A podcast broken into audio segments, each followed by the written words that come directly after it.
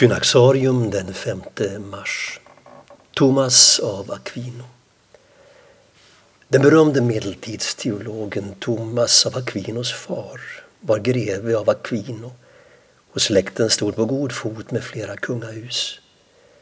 Därför kom sonens inträde i en tiggarorden, den nyligen grundade Dominikanorden, som en stor överraskning. Familjen blev bestört och spärrade in honom i två år medan de försökte få honom att ändra sig. När han vägrade försökte hans bröder få honom att svika sitt kyskhetslöfte genom att skicka in en vacker kvinna i hans rum för att förföra honom. När inte heller detta fungerade gav de till slut upp och lät honom återvända till orden. 1200-talet var universitetens århundrade i Europa. Thomas studerade i Paris och diskuterade med sin tids skarpaste hjärnor. Snart överträffade studenten sina lärare. Briljansen var dock inte alltid uppenbar vid första anblicken.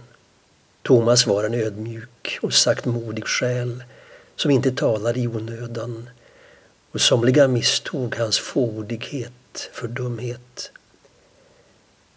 Vid denna tid upptäcktes den grekiske filosofen Aristoteles på nytt.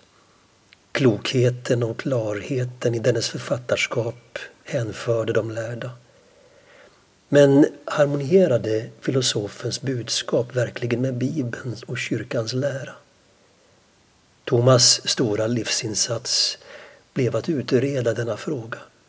Att visa på samstämmighet och skiljelinjer mellan uppenbarelsen och den grekiska filosofin.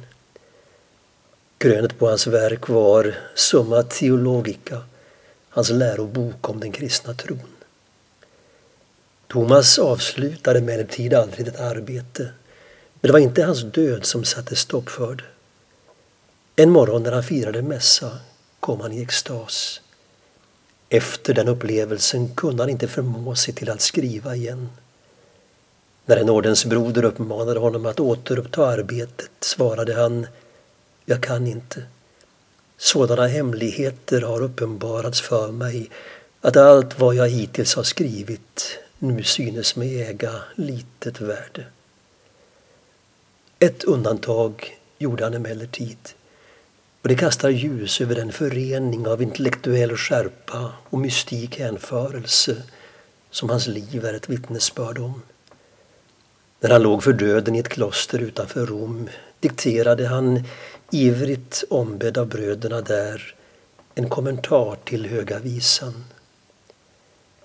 När slutet närmade sig och Thomas beredde sig för att motta sista smörjelsen bars eukaristin in i hans sjukrum. Han utbrast då i en trosbekännelse som väl sammanfattar hans liv. Jag mottager dig, priset för min frälsning, för vars kärlek jag har begrundat, studerat och arbetat. Om dig har jag predikat, om dig har jag undervisat. Aldrig har jag anfört någonting emot dig. Om något skulle ha varit illa sagt beror det av min okunskap.